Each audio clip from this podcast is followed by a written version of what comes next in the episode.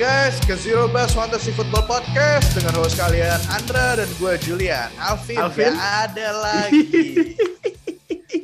Ini. Alvin lagi bekerja Nice. keras mencari mencari duit buat membiayai produksi podcast kita. Anjir. Emang mau mau mau di upgrade ya Jul. Oh iya Soundboard, mic, kamera semua di upgrade ya. Benar, ini persiapan untuk setelah pandemi kita mau bikin studio. Oh, bikin studio ya. Bikin Iya. bikin studio. Kan Alvin di Surabaya tuh. Kita kan di Ya Jakarta. kan kan either kita pindah ke Surabaya atau dia pindah ke sini. Ya, anjir, jangan dong. eh nggak apa-apa sih, gue pindah juga. Tapi Atau enggak kita yang di studio Alvin tetap tetap dari lewat Zoom. Itu dari Zoom. Aduh, susah, susah, sulit, sulit, sulit. Senyum ya, Jul? Minggu ini senyum ya? Senyum dong. Gila. Gua padahal udah udah bersiap-siap kalah tapi ternyata menang berkat Monday Night Football yang poinnya tuh meledak-ledak anjir. Itu giveaway point anjir. Itu si Lamar, Mark Andrews, sama Marquis Brown. Iya. Itu lu start tiga orang itu aja udah 117 sendiri. Makanya, tapi di tim gua kan gua adanya Lemar sama Jonathan Taylor. Jonathan Taylor juga poinnya gede. Oh iya, iya bener. Kemarin 20-an ya? Lupa gue berapaan lu kemarin. Eh, 3-1. Gila, gila, gila, gila. Gua- Meanwhile, Lemar Jackson 41 poin. kalau gua kemarin gua kemarin menang di lima liga Hmm. kalah di satu tapi satunya champion kalahnya di champion Ya. Di champion lu sekarang rekornya berapa jadinya? tiga dua Oke. di champion Kalau keras si ya. Alvin?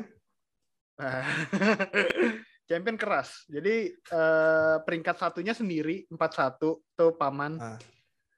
yang tiga dua tuh ada satu dua tiga empat lima enam tujuh tujuh orang Wah, tuh rekornya gila. tiga dua terus ada masih ada satu orang yang belum menang 05 masih Siapa? Alvin gue tahu dia ntar masuk ke sini dia ikut lagi kalau dia udah menang di champion Mbak. Ya, tapi kan dia menang di Liga 7. iya menang menang lawan nggak tahu lawan siapa kemarin lupa gue Tapi em, ya gue di Liga 6 juga sayang persaingannya ketat nih. Ya di top 2 4-1 termasuk Hmm. gue. Hmm. Ah, nah, alham- puji Tuhan. alhamdulillah alhamdulillah Nah, ta- tapi tapi ini nih ada satu orang dia sekarang di peringkat 4 rekornya 32 Hmm. dua minggu lalu dia di peringkat 12 gokil jadi Dua dia sekarang lagi lagi tiga tiga win streak jadi dia Oh, tiga. startnya 0-2 oh jadi minggu lalu dua minggu lalu dia di 12 terus naik ke peringkat 9 terus abis week 5 kemarin ini dia naik ke peringkat 4 gokil. Emang itulah Iya. fantasi.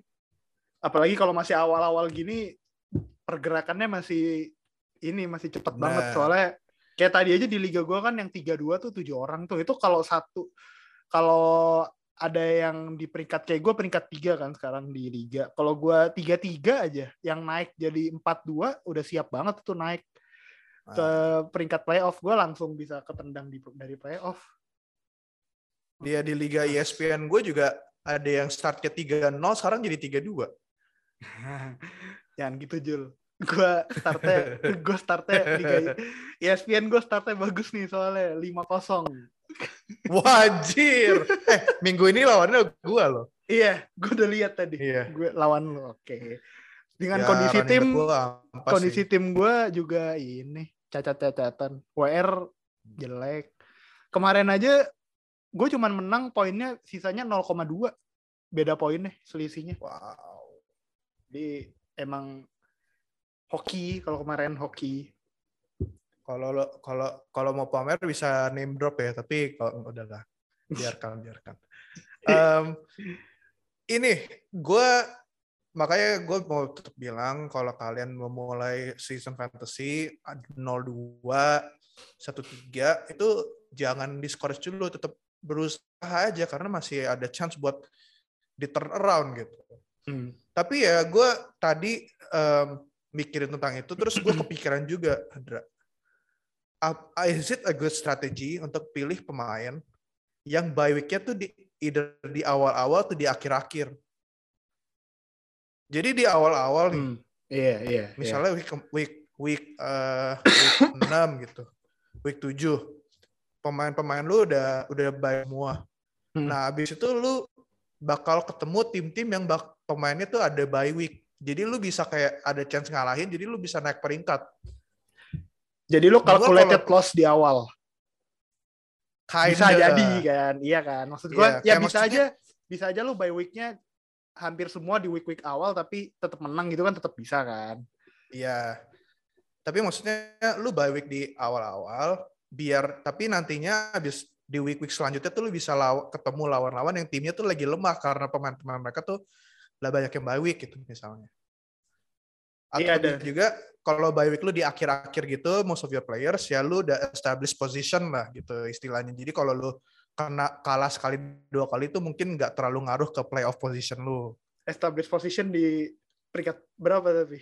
Peringkat peringkat dua gitu misalnya. Oh, kan Ya kan karena kalau kalau pemain lu di bye week-nya di akhir-akhir kan berarti selama dari week Oh iya bisa. 6 sampai week 11 gitu let's say itu 5 6 week itu kan tim lu tuh full tim gitu dibanding eh, tim-tim yang lu lawan tuh pemainnya ada yang bye week. Jadi ya mungkin lu bisa dapat menang banyak di sana. Kalau gue lebih ngincer bye week di awal sih Jul kayaknya. Karena kayak tadi gue bilang kalau di awal itu posisinya masih bisa berubah-berubah banyak dan mungkin kalau lu kalah sekali terus nanti tapi tim lu udah ngelewatin bye week, lu ngejarnya masih gampang gitu loh.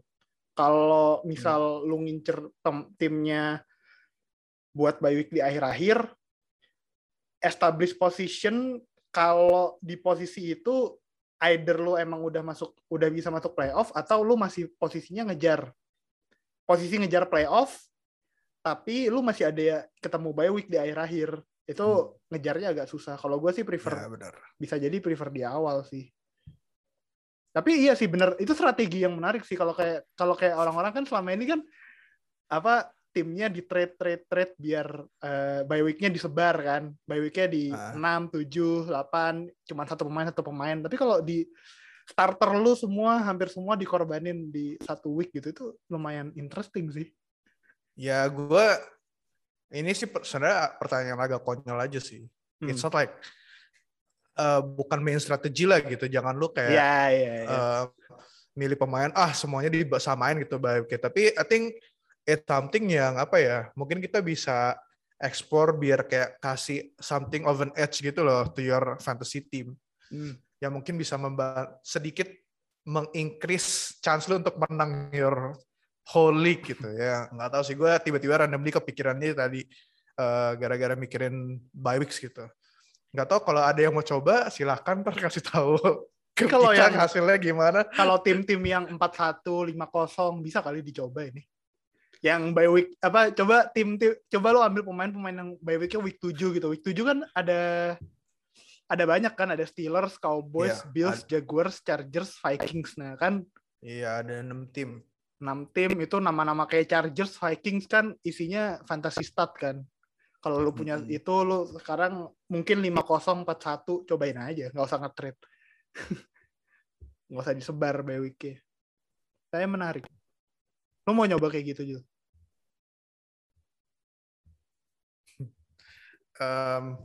Gue belum pernah dengar itu dibahas sih di podcast podcast fantasi lain Jadi ini pertama nih. Kita punya kita Gua- pelopor strategi fantasi baru nih berarti. iya kan kan em, ini kan kayak zero RB gitu udah terbukti kan mungkin kita mesti keluarin strategi baru nih kayak Oh, bye, by week by week stack gitu misalnya stack bye week. stacking Orang-orang- your by weeks gitu Orang-orang kalau strategi draft bilangnya perhatiin jangan yang bye week-nya sama. Kita nyuruhnya bye week-nya samain aja semua. Eh tapi tapi orang kan selalu dulu bilangnya you always prioritize RB kan di draft tapi kan sekarang Iya, bener. banyak yang zero Bener. RB kan iya. Emang maybe we're on to something here Iya, kayaknya perlu dieksplor sih Iya sih. ini worth exploring sih.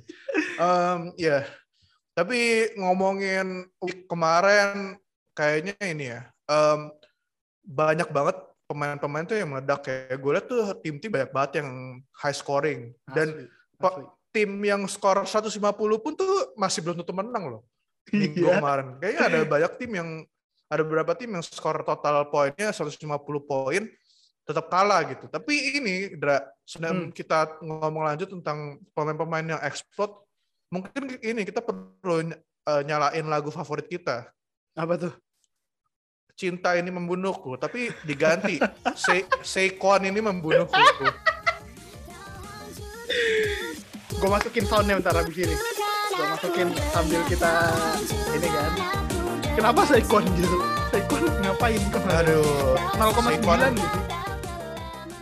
sebenarnya gue gue kasihan sama Sekon as a player tapi gue juga kasihan tuh Se, eh, yang punya Sekon karena dia cederanya tuh bego banget at least it's not like a season ending injury gitu dan eh, season eh, injury-nya tuh week, week week by week dan kayaknya oh, week week to week dan nggak bakal terlalu lama tapi kalau kalian nggak tahu Sekon kenapa poinnya dikit banget berapa 0,9 poin ya? 0,9 kalau nggak salah ya. Ya itu Iya. pokoknya di awal-awal game dia cedera gara-gara gak sengaja tuh nginjak pemain Cowboys yang dia nggak lihat. Oh iya. Terus itu yang Oh bikin iya. dia Oh kecengklek iya. gitu ankle-nya. Kalau kalian lihat di Twitter, Instagram itu kan ada ada gambarnya, ada fotonya yang ankle dia tuh bengkaknya gede banget. Tapi Iya. ya itu bukan itu terjadi kayak bukan during a play gitu, it was like in between plays. Mau terjadi. gitu kali ya. Iya, kayak dia lagi bengong nggak perhatiin terus keinjak orang lain. Anjir keras juga ya maksud gue lamar lamar pas TD yang dia apa backflip itu dia nggak kenapa kenapa nggak cedera ini ini cuman kecengklek anjing bengkaknya segitu aduh kenapa Ya, aduh, sih? tapi it's it's it's not a good week sih untuk um, ini untuk orang-orang yang pakai seragamnya Giants sekarang nggak cuma nggak cuma Sekon doang yang cedera kan. Tony bagus loh. juga concussion. Tony Nah, ah, Tony bagus Toney. ya tapi juga dia terus di kick tapi konyol iya tapi konyol Ya jadi ini ini bau-baunya tuh ada breakout star gitu dari gamenya Giants lawan Cowboys. Kadarius Tony, rookie wide receiver-nya Jet yang, Giants. yang kita omongin yang minggu lalu di nah iya yang ada yang nanya kan ke Darius Eh. Tony atau Van Jefferson ya jawabannya of course Josh Gordon eh Josh Gordon cuman kayak dua dua koma berapa poin gitu tapi eh ke Darius Tony ini sih very electric dia kemarin tuh statsnya 10 reception 189 yards eh Hmm. 198 yards bukan jadi itu 189 totalnya dua 189 ya. Pokoknya dia totalnya 29 poin lah. Itu tanpa touchdown dan Tanpa dia dua touchdown. kali tuh ham, dua kali tuh hampir touchdown. Dia di tackle kayak on the one yard line gitu. Jadi poin dia mungkin kemarin itu ada potensial kayak 40-an dan keep in mind itu di fourth quarter dia eh, setengahnya fourth quarter tuh dia udah nggak main karena dia di di, di kick out gitu dari Kick out. gamenya gara-gara nonjok nonjok pemain the Cowboys. 189 Jul bener 189 Ya, 189 ya. Hmm. 10 reception atau 11 reception ya? 10 berarti? reception Oh, berarti 20 28,9 Oh, dia ada passing yards. 0,7 tambah 0,7 ada rushing yards 7 yards Iya. 29, Iya, koma ya 29,6. 29,6 ya segitulah gue Iya. Kenapa Tapi gue ini sih. Menurut gue he passes the eye test sih. Kayak dia tuh Iya. dynamic banget menurut gue. lo nonton gak game-nya Gue eh, gue nggak gue sama sekali I have to admit gue sama sekali nggak nonton live game minggu kemarin ini karena gue ketiduran. Jadi tapi gue nonton dari highlights yang beberapa, gue nonton sedikit all 22-nya gitu. Tapi terutama ke Darius Tony ini gue kayak dari minggu lalu gue udah nonton highlights dia. Hmm. Terus gue minggu ini gara-gara poinnya gede banget, gue kayak I need to watch him. Dan yang minggu lalu kelihatan dia bah positif, ya semakin kelihatan lagi di game ini gitu. Maksudnya dia very dynamic dan dia tuh yards after catch-nya tuh ini banget, bagus banget gitu.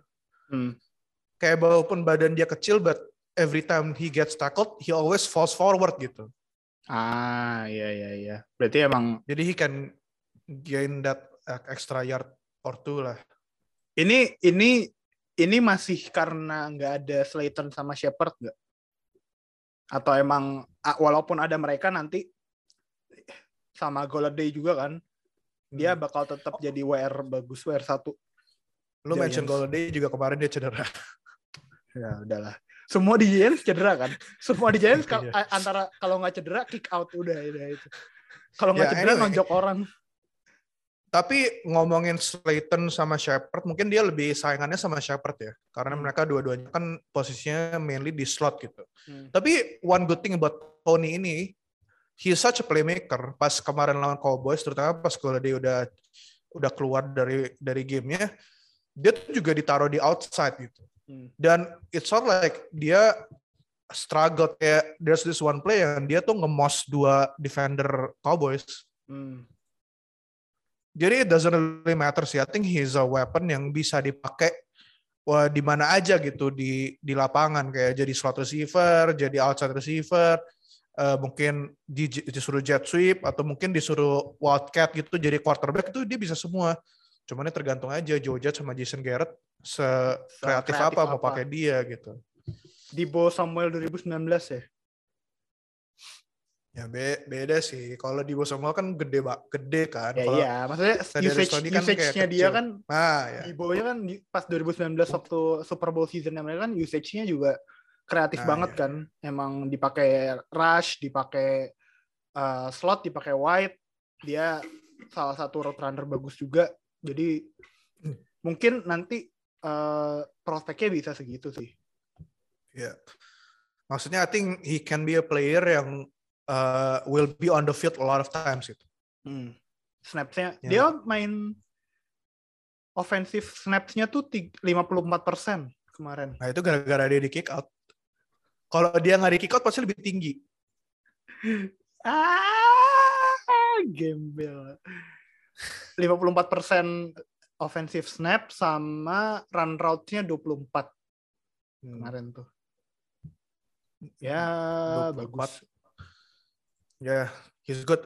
Dan ini sih, maksudnya I assume di liga-liga di liga-liga listeners kita ya pasti udah di, diambil semua. Udah gitu, sih, di, iya. Di, Gue juga udah nggak di ada. waiver. Nah. Kalau di liga-liga yang ada gue sih dari minggu lalu udah nggak ada. Karena udah gue ambil. Di gue nggak nggak ada. Emang cepet banget emang orang-orang ini kalau ngambil pemain. Yalah, terus tapi minggu ini ketemunya Rams. Jadi jangan kaget kalau poinnya tiba-tiba langsung turun. Tapi jangan di drop ya. Maksudnya lu percaya masih percaya masih bisa kan? Maksudnya kalau minggu ini mungkin jelek itu gara-gara lawan Rams aja gitu. Hmm. Tapi menurut gue ya jangan langsung di drop karena I think he's very worth stashing gitu. Hmm. Dan ini juga maksudnya kan Giants kemarin main dengan dua quarterback gitu dan dua-duanya em, apa ngetarget dia. Dan minggu ini kalau misalnya Mike Glennon yang main mungkin em, secara yards atau touchdown si Kadarius Tony nggak bakal dapat banyak, tapi mungkin secara targets dia bakal dapat banyak gitu. Jadi mungkin dapat poinnya dari receptions. Karena Mike Glennon tuh kayak target dia banget, kayak he's Mike Glennon's safety blanket gitu. Jadi ya kalau kalian very desperate ya you can start him, tapi don't Emang- drop him lah. Emang Daniel Jones ngapain kemarin? Cedera juga ya? Concussion, Ya Allah. Concussionnya sampai dia berdiri kayak kayak bingung ada di mana gitu. Oh, It's ya, udah bahaya. scary actually. Udah bahaya itu ya. Iya. Ya benar-benar. Jadi we still don't know lah dia bakal di clear atau enggak buat uh, minggu ini. Tapi ke Darius Tony, ya he passes the eye test lah. Some people udah compare dia ke OBJ pas rookie year-nya. Karena storyline-nya bagus. mirip-mirip. Berarti bagusnya rookie season doang dong. Karena storyline-nya mirip. Tapi um, ya maksudnya off season gak terlalu latihan gitu. Kalau si OBJ kan dia kena, kena hamstring. Kalau ke Darius Tony kemarin dia sempat kena COVID pas off season. Jadi off season preseason gak terlalu main. Terus tiba-tiba um, mulai masuk ke mid season tiba-tiba meledak gitu. Oke. Ya. Bagus lah. Tapi ngomongin OBJ nih, lu gimana Dra? Ada yang bertanya apakah OBJ masih worth untuk di keep atau di drop? Nih, kalau merhatiin startitnya Zero Bus ya, ini kan berarti kan startitnya pas kita rekaman kan udah di udah di list kan yang buat week 6. Hmm. Kayaknya dua minggu berturut-turut ada nama OBJ di di ini deh, di seatnya Zero Bus deh. Apa tiga ya? Apa sama week 4 ya? Gue lupa deh. Dan nih kita kan punya recapnya nih, jadi nggak usah terlalu nggak terlalu jauh nyari sampai buka-buka app-nya NFL Fantasy. Dan ini emang si OBJ kayaknya udah mulai kalah sama kayak Ricky Seals Jones. Terus siapa lagi ya WR-WR Browns tuh. It's Tapi not Ah, ya udah. it's not a good prospect lah kayaknya kalau kalau gue sih ya buat OBJ. Kalau gue drop kayaknya enggak. Nih week 4. Week 4 tuh OBJ 5,1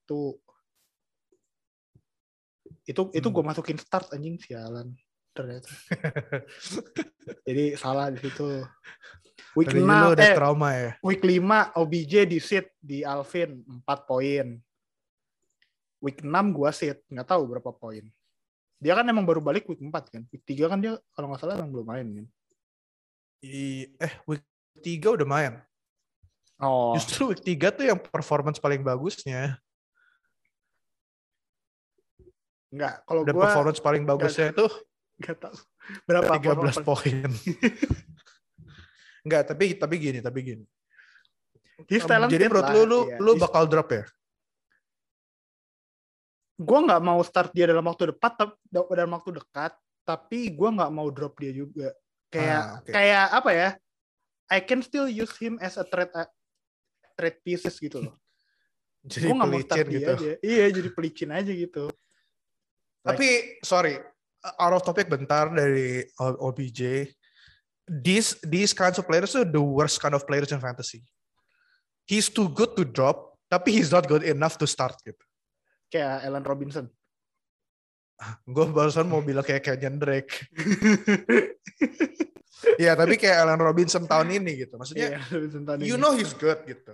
You know he can be good. Tapi iya benar benar kayak so far dia belum produce dan apalagi kalau misalnya lu rekor lu kan terus kayak kayak satu empat dua tiga gitu kan unit players yang produce gitu.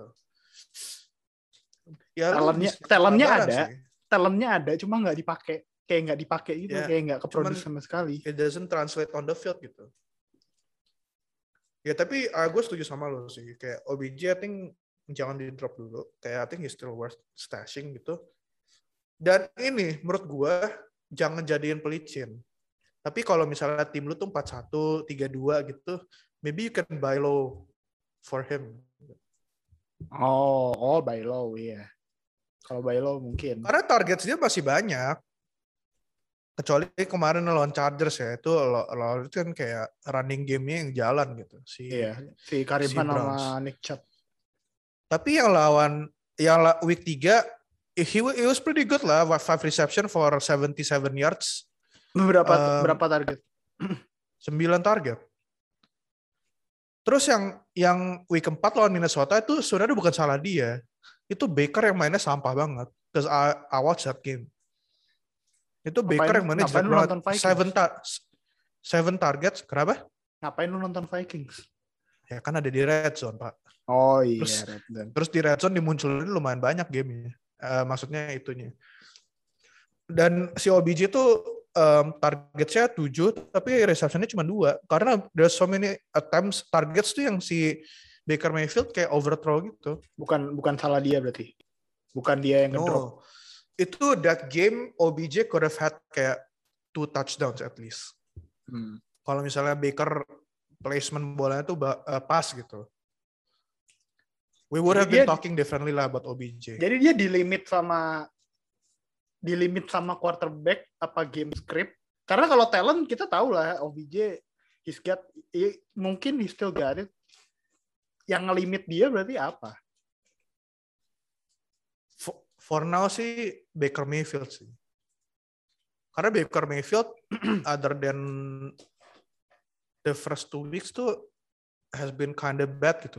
Kayak kan dia ini ya beritanya keluar dia ada torn labrum gitu. Walaupun it's it's the non throwing shoulder tapi Hmm. nggak tahu sih so far kayak mestinya itu nggak bother his throwing motion tapi ya mungkin the pain itu yang bikin dia mainnya lebih takut-takut atau gimana ya gue ngerti deh soalnya kan OBJ dipakai as a deep threat juga kan jadi mungkin dia nggak dia tuh nggak mau nunggu OBJ open gitu karena dia nggak mau kena hit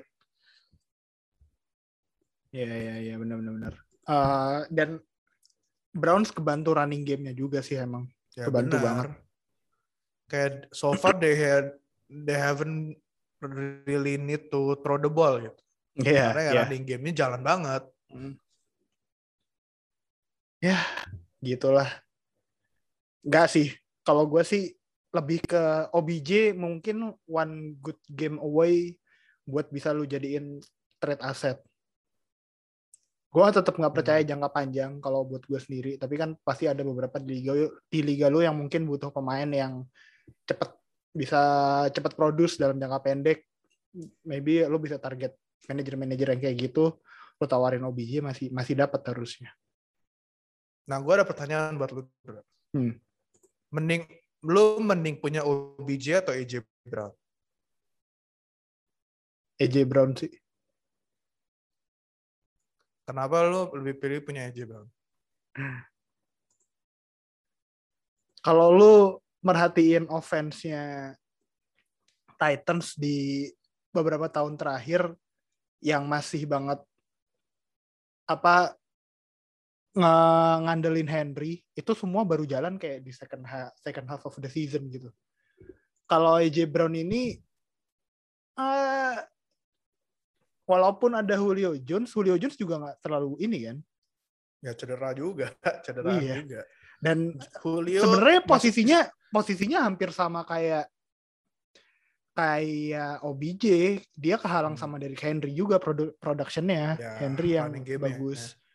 dan Tannehill a little bit better daripada Baker ya, bisa masih bisa didebat tapi kalau buat gue Tannehill a little bit better daripada Baker dan kalau secara talent uh, apalagi game scriptnya AJ Brown masih lebih kepake gitu harusnya daripada OBJ. Hmm. Ini kalau gue in this situation gue lebih milih AJ Brown sih.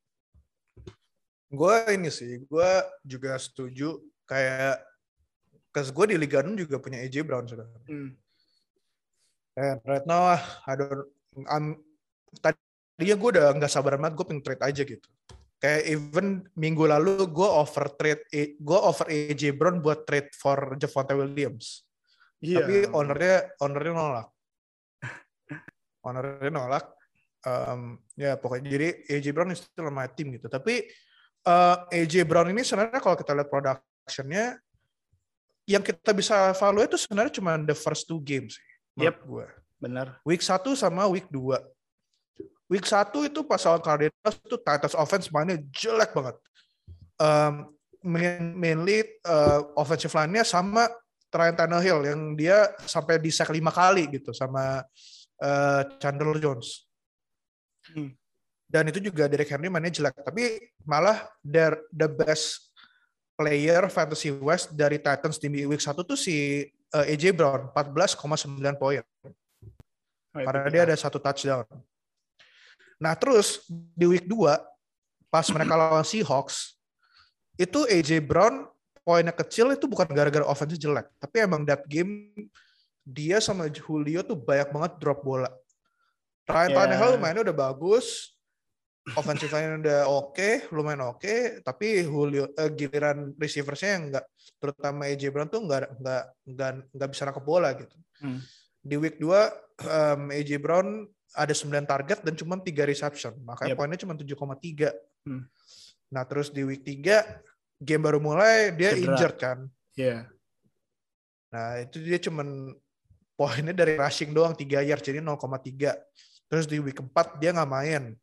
Dan di week 5 dia main lagi. Walaupun match up-nya tuh juicy banget sebenarnya bakal lawan Jacksonville. Terus dia nggak ada saingan siapa-siapa buat uh, reception. Tapi ternyata after the game baru dikasih, dibilang dia tuh masih on snap count gitu. Jadi dia nggak mainnya tuh nggak terlalu banyak. Dan 40, walaupun dia on snap count, kenapa? 40 snap doang di nah, week 5 kemarin. And he still had six targets gitu. Yeah. Walaupun ya productionnya nggak terlalu Bagus. Dan ya minggu ini lawan Bills, which is kayak Bills tuh defense-nya lagi on fire banget. Jadi expect another a bad week lah for, for him. Tapi habis itu schedule-nya tuh mendingan gitu. Jadi lumayan gampang. Kayak habis lawan habis lawan siapa? Habis lawan Bills, kayak mereka ketemu Colts kan. Oke, mendingan. Nah, itu kan secondary-nya hancur kan. Iya. Kayak kemarin lihat Marquis Brown sama Mark Andrews total 70-an poin. 70-an, iya. 70-an Ya. poin. Oh sorry, sebelum ketemu Colts mereka ketemu Chiefs. Ya sama Chiefs juga Sampah. Defense-nya sampah parah, banget, parah banget. li- leaky banget gitu. Nah Hmm. habis itu ketemu Rams. Nah kalau Rams ini we don't know lah, kayak eh, bakal gimana. Habis itu ketemu Saints. Ya Saints ini juga 50-50. Kadang-kadang Marshall Lattimore bisa jago banget. Kayak kemarin lawan em, lawan apa McLaurin, tapi juga kadang-kadang bisa kayak secondary-nya Saints ini juga bisa ampas gitu. Hmm. Tapi habis itu lawannya Texans, Patriots, Jaguars, apalagi Titans kan di di AFC South gitu. Iya. Yang Gampang. ada Texans sama Jaguars. sama Jaguars. Ya itu pasti kayak matchup yang gampang lah as long as AJ Brown stays healthy gitu. Jadi menurut gue he's a good candidate to buy low sih. Kalau lu nggak punya AJ Brown dan tim yang punya AJ Brown tuh nggak nggak sabaran gitu atau they really need someone that can produce right away. Tapi if you're an AJ Brown owner, menurut gue as much as possible, I think you should hold hold on to him. Berarti gue overtrade buat AJ Brown sekarang aja ya, sebelum sebelum podcastnya naik ya. Ya, ya coba aja. Ya mungkin this is the this this this week this week this week sama next week mungkin mungkin the last the last week you can try to buy low AJ Brown. Karena habis itu lumayan gampang ya.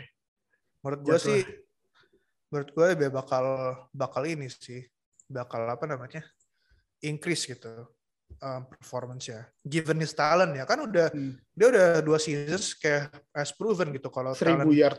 talent dia kemarin. he's there nah makanya. Ya, iya sih. 2020 kemarin seribu. Dia selalu seribu yard kok di 2019 sama 2020. Jadi Hmm. masih masih bisa asal sabar dikit dan memanfaatkan orang-orang yang nggak sabar buat buy low AJ Brown sih. Dan keep in mind dia di 2020 week 1 tuh 8,9 poin. Terus week 2, 3, 4 dia nggak main. Week 5 dia ketemu Bills 21,2 poin. Iya. Itu tahun lalu. 21 terus Jadi ketemu Houston 22, ketemu Steelers 27. Jadi Nah, makanya. belum belum di region panik buat AJ Brown. Nah, Tahun lalu juga hampir sama kayak gini. Jadi aman. AJ Brown jauh lebih mending daripada kalau lu punya OBJ atau even lebih parah tuh Allen Robinson. Allen Robinson. Gua soalnya kalau Allen Robinson he's he's waiting sih. Gue lebih mending nunggu Allen Robinson sih. By Allen Robinson. daripada daripada AJ Brown. Iya. Mungkin tinggal tunggu waktu Allen Robinson bisa uh, dapat koneksinya gitu sama Justin Fields. Kalau sekarang kan dia Justin Fields nyamannya masih sama Darnell Mooney uh, dan dia juga masih adaptasi juga.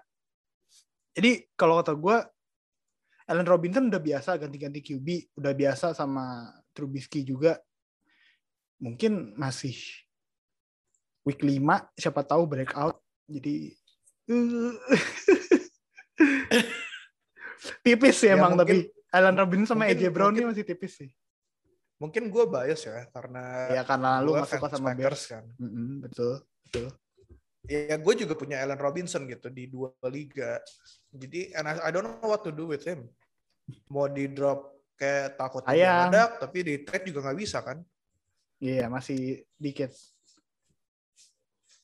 Ya nunggu Ya, ada yang buy still low take- I'd still take AJ Brown sih. daripada Allen ya. Iya. Kemarin tuh Karena si Ryan ada ada proven gitu. Iya sih, iya sih. Justin Fields, hmm, bisa, bisa, bisa buat eh, ngebagusin Allen Robinson, tapi mungkin nggak dalam waktu dekat sih kalau kata gue.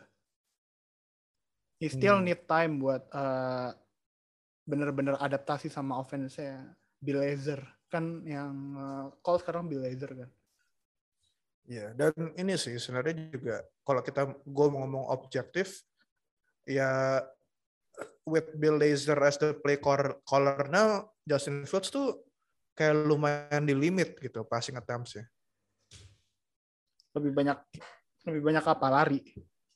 Damian Iya, Williams. lebih banyak pak- pakai run game gitu. Damian Williams sama sama Khalil Herbert juga lumayan dapat banyak kan porsi carries-nya gitu. Hmm. Eh, Justin Fields tuh kemarin di game lawan eh, Lions kayak dia attempts-nya tuh nggak terlalu banyak. deh. Padahal Lions ya. Eh, lawan Lions lagi. Sorry, lawan Raiders. 20 attempts. 20 passing attempts 20 20 passing attempts, 12 completions. susah sih kalau segitu doang. Ya makanya. Ya beda dikit lah maksud gua kalau lu punya Allen Robinson sama AJ Brown bisa tuh di straight straight swap masih bisa tuh masih kelihatan fair. Oh ya, ntar gue gue coba deh Allen Robinson itu ke AJ Brown. Di oh ya lu punya Allen, iya, gue iya, punya Allen Robinson. bener, bener, bener, bener. Ya. Well, Tapi um, running back another set of running back goes down. Saquon, Clyde Edwards Helaire, oh iya anjir. Terus siapa lagi ya? um, ya Chris Carson dengan Alex Collins itu Meh. juga 50-50 kan Ya. uh, situationnya. Ya, tapi I think Darrell Williams ini banyak jadi ini ya, des, apa Waiver number nomor one satu. target di waiver wire orang-orang gitu. Mm-mm, mm-mm. I'm Gimana not buying. I'm not buying on Darrell Williams. Enggak. Eh, dengan kondisi satu, eh, mungkin dia lebih kepake di passing game ya, which is good. Tapi kalau passing game kita udah tahu lah pasti makanya Kelsey kalau nggak Tyreek Hill, Mahomes. Hmm.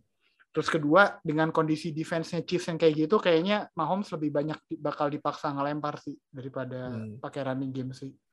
Jadi eh not not kinda convincing buat ngambil Darrell Williams di di kemarin ini kalau buat gue sendiri. Kemarin Hmm. waiver nomor satu enggak sih nggak waiver nomor satu. Waiver Dan nomor gua satu ya kayaknya ke Darius Stoney sih, atau enggak Devontae Booker. Devontae Booker iya, walaupun Giants Giants juga sih. Ya terus ketemu Rams juga. Iya.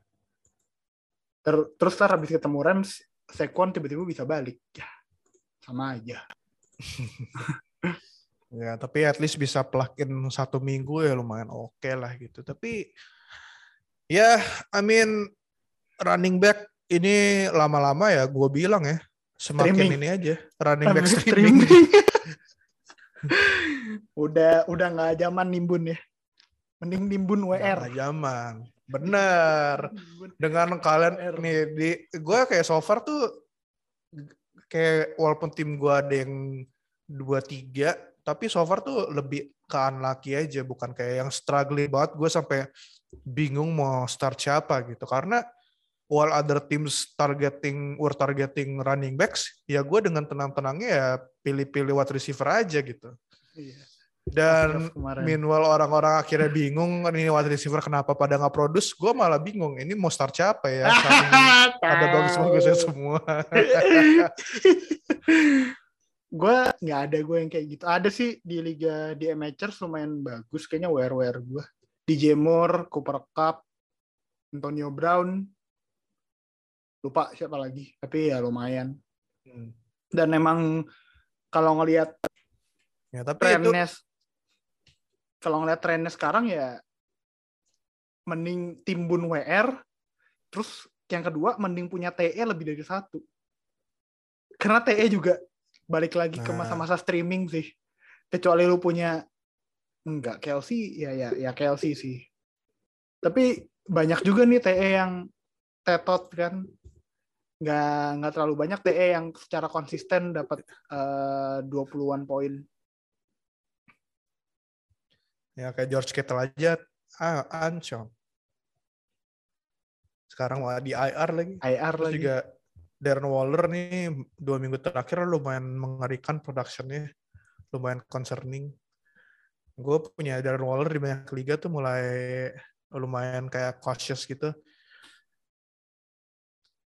Mending emang Malah- udah paling paling bener emang kayak gue udah punyanya Kyle Pitts sama Da- Dawson Knox. udah. Udah. Anjir. Tapi Calpits akhirnya ini akhirnya breakout. Ya kita nggak Iya. tahu sih bakal sustain atau enggak em, apa Bakal dong. productionnya. Tapi menurut gua ya Falcons tuh week by week terutama dengan the emergence of Cordero Patterson tuh their offense is look, looking better loh. Hmm. Dan mungkin ini saatnya untuk buy low Calvin Ridley. Or this might be the last week to buy low Calvin Ridley gitu. Karena mereka lagi lagi bye week kan. Jadi dia that's another week yang dia nggak produce gitu. Minggu lalu dia nggak main gara-gara nggak dia vaksin. nggak ikut travel ke London. Nggak gara-gara nggak vaksin. Ya we don't know that. Nggak tahu sih. Tapi Iya. um, I think I think Falcons offense tuh going on a positive trend gitu. Terutama Hmm. defense mereka yang non-existent, jadi mereka bakal harus terus rely on their offense to stay in the game. Menurut gue, Calvin Ridley mungkin ini sih bakal bisa mulai production yang sesuai dengan ADP dia in the upcoming weeks. Mending Calvin Ridley apa AJ Brown? AJ Brown sih. Mungkin gue bias ya. Karena emang gue dari dari drafting tuh gue avoid Calvin Ridley. Kenapa emang? Tapi ya aja aja gue nggak pernah believer in Calvin Ridley soalnya. Hmm. Kayak menurut gue tuh dia terlalu boom or bust dari dulu ya. Tapi ya we don't know kan. Maksudnya it can change yang barusan gue bilang gitu. Schedule mereka minggu depan tuh lawan Dolphins. Hmm. ah, schedule mereka lumayan susah sih. Dolphins, Panthers, Saints, Cowboys, Patriots, terus ya ketemu Jaguars ya mungkin that that's a, that might be a good game. Buccaneers ya that might also be a good game for Calvin Ridley karena Buccaneers kan secondary-nya non-existent gitu and like Cedera. teams teams sekarang don't even try to run the ball gitu against the Buccaneers makanya they're just Betul. gonna like throw a lot of uh, a lot of balls gitu. They're gonna pass a lot lawan Buccaneers jadi ya itu based on volume doang mungkin bakal berpotensi poinnya gede. Mas Gaskin Ya, kemarin end of dipakai- seasonnya not eh enggak juga sih. Inilah. Nah iya Gimana? tuh. Berapa? 30 Mas Gaskin dipakai dipakai 30-an buat points. receiving, nggak dipakai running kemarin. Dipakai buat Ah, benar. bola. Ma that is nah, oke, ngomongin Miles Gaskin lawan Bucks ya. That is why gue taruh Kenneth Gainwell di start gue lagi minggu ini. Karena we all know he's the better receiving running back itu di Eagles. Oke. Jadi- oke. Mungkin we masih another Miles Gaskin situation gitu dengan Kenneth Gainwell.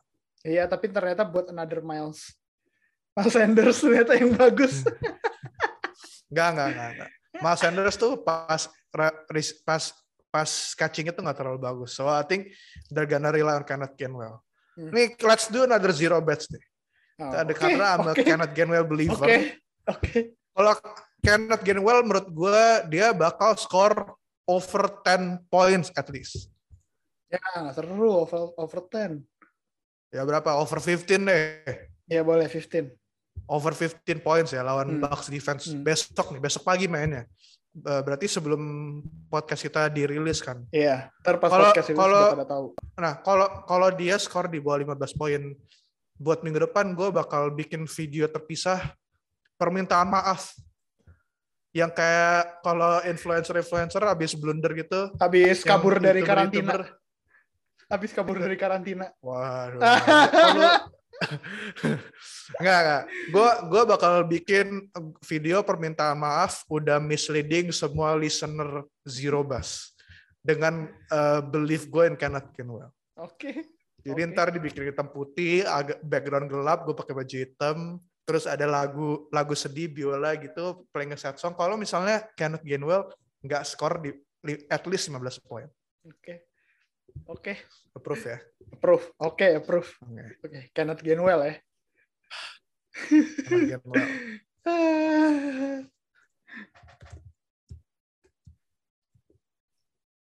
Ya, tapi uh, lu tadi ngomongin udah mention tight ends.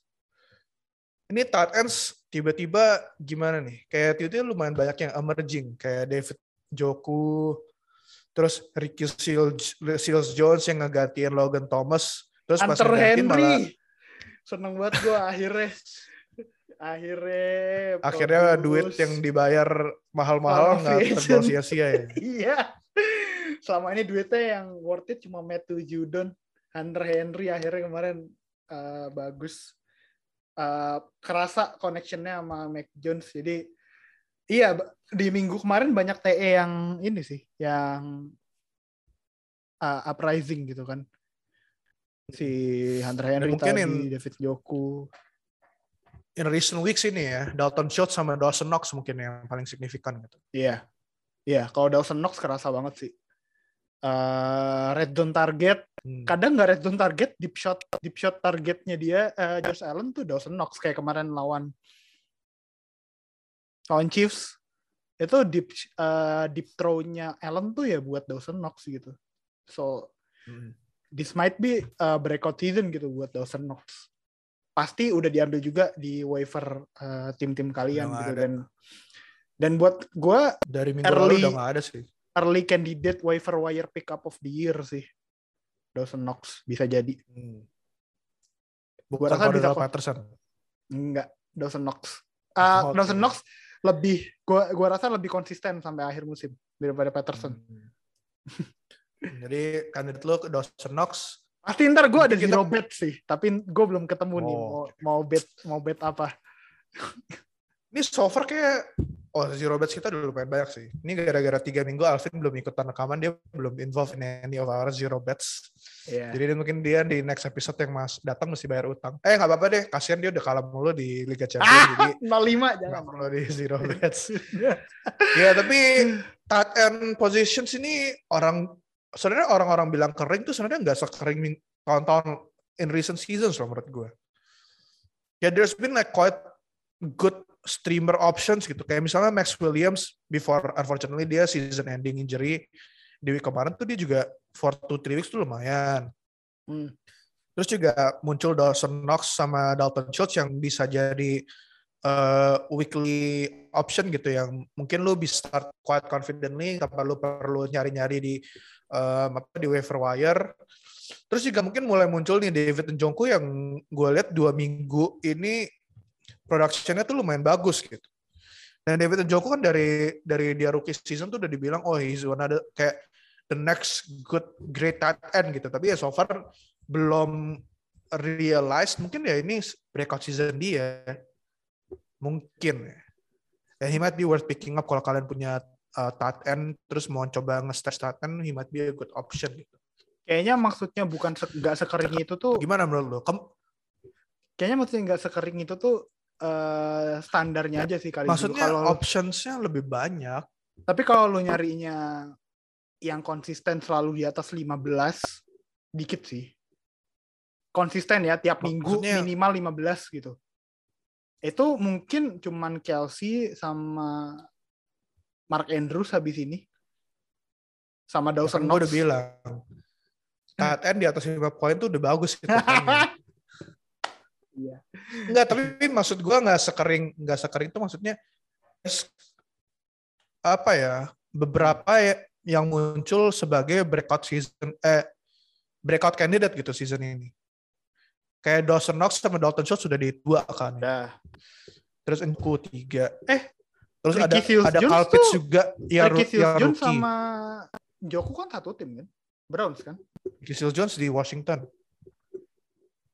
dia ngegantiin Logan Thomas yang masuk IR kan. Oh. Dan Ricky Seals Jones ngegantiin Logan Thomas malah ini in in his first game nge-replace Logan Thomas has around more routes than Logan Thomas has in the in in total this season. Dan jadi, dia jadi ini jadi red zone targetnya Taylor Haneke loh. Jadi worth it ya. Makanya lo juga taruh nih di start Ricky Seals Jones. Hmm. Jadi emang ya, uh, lebih banyak gambling, yang gambling aja gitu. Lebih banyak yang bisa di streaming atau lebih banyak yang bisa di set and forget? Buat lo. Kayaknya kalau gue soalnya TE Buat masih, sekarang masih set and forget masih susah sih. Streaming sih paling. ya streaming tapi yang potentially bisa jadi set and forget. Kayak Dawson Knox dua minggu lalu kan hitungannya streaming gitu. Iya, sekarang udah Tapi I think forget. becoming a set and forget kan. Iya benar. Kecuali Kayak Hunter kecuali Henry juga mungkin bisa. Ah iya, Hmm. ya obviously. Iya, iya obviously. Makanya gue juga gue makanya gue sekarang eh caranya adalah emang selalu nyediain dua TE karena buat gue sekarang satu TE udah nggak cukup. Apalagi Hmm. kalau kita main di liga dua- 12 orang gitu.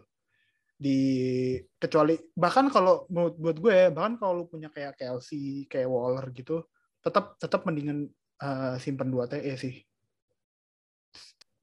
Hmm.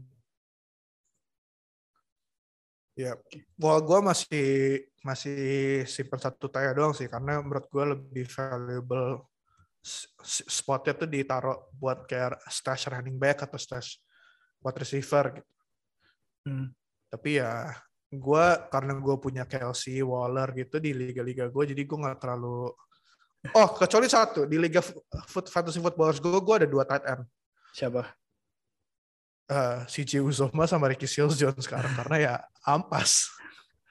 Logan Thomas gue masuk IR. Nah iya dan gue worst kalau Logan Thomas nggak IR ya gue with Logan Thomas pun gue juga bakal keep satu um, end gitu kecuali pas dia udah mau bye week mungkin one week sebelum Logan Thomas bye week baru gue ambil gitu yang buat diisi pas pas bye weeknya.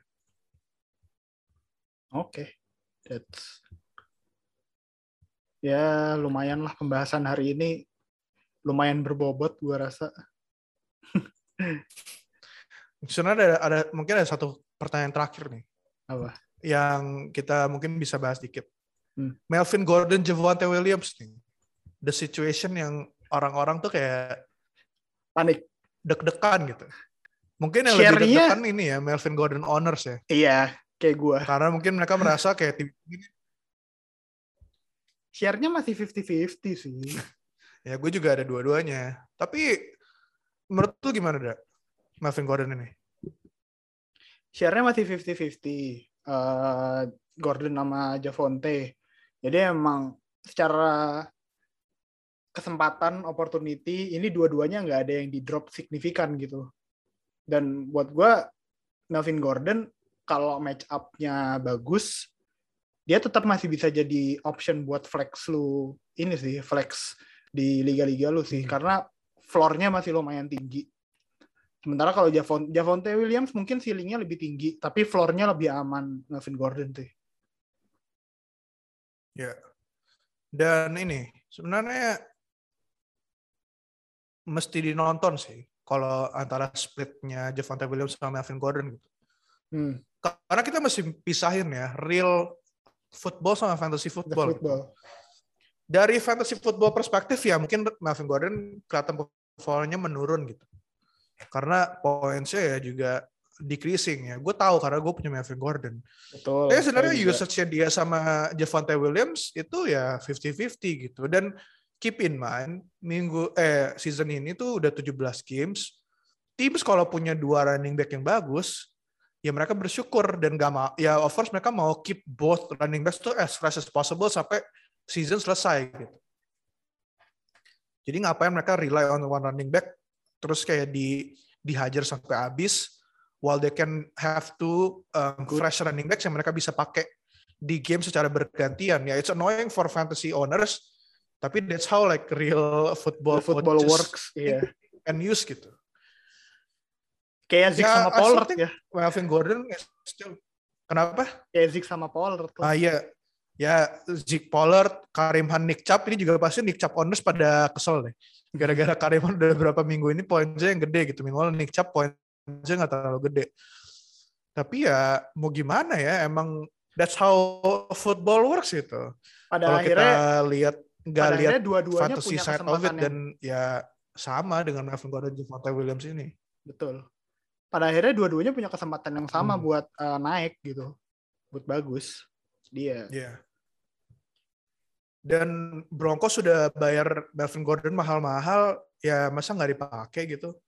Terus terutama ini kan season terakhir dia. Hmm. Kalau sebisa masih bisa dipakai, why Kenapa? not? Betul. Betul, betul, betul, betul. Oke deh. Ya berarti ya Andra udah explain lah maksudnya expectation yang perlu kalian punya gitu dengan both uh, Melvin Gordon sama Javonte Williams.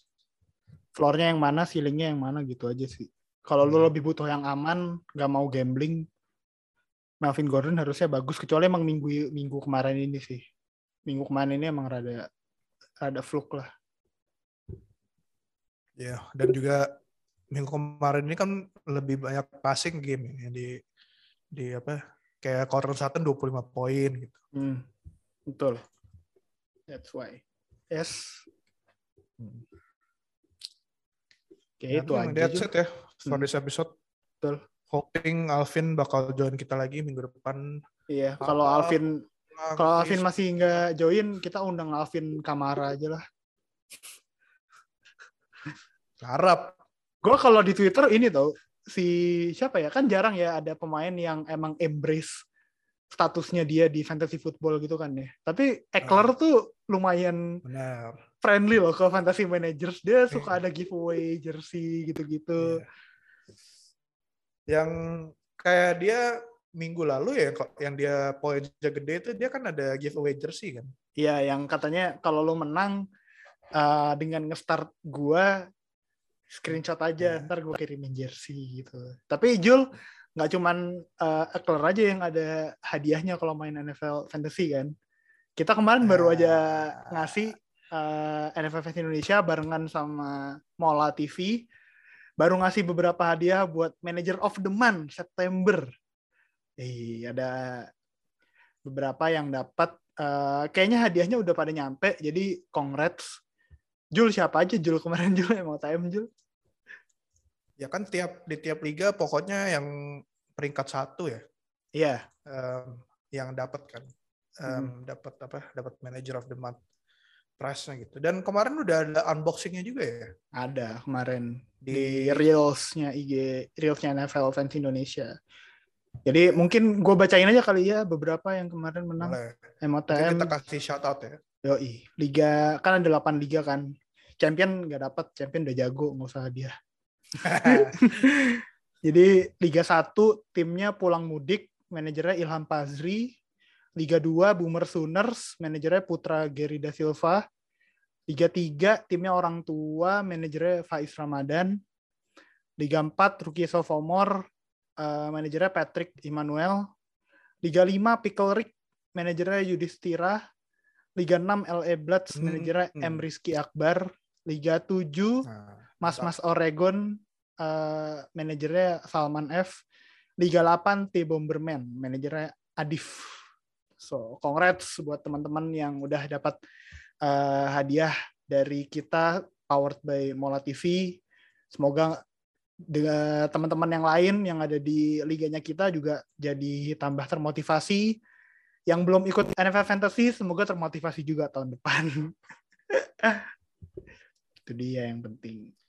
ya ini semakin meriah ya kayak Iya. em, NFL fan- eh, NFL Fantasy League gitu kayak udah ada em, liga-liga juga of course kita sekali lagi mau terima kasih ke Mola juga yang udah kasih Thank hadiah you. buat manager Yoi. of the month bulan ini dan tiap bulan juga bakal ada terus manager of the month ini jadi kalian of course jangan putus asa kayak gue tadi bilang karena kalian masih ada chance untuk bisa masuk playoff dan ya dapat bisa dapat hadiah juga dari Betul. Mola Betul. masih ada tiga kali kesempatan berarti. Oktober, Iya. November, Desember. Desember. Bener. Iya, Desember Iya, masih benar. bisa. Oktober, November, Desember. Oktober kan belum. Oktober kan belum, iya, Iya. makanya. So iya. Sip. Oke, itu aja dari Zero Bus ya untuk uh, minggu ini. Good luck buat kalian semua karena kita udah memasuki bye week. Ini mungkin kalian ya mau coba nge-trade pemain yang semua bye week-nya semua sama ya silakan gitu. Ntar kalian kasih tahu kita gimana resultnya tapi ya kita semua Andra gua dan Alvin juga bersiap-siap gitu untuk menghadapi bye week yang akan datang.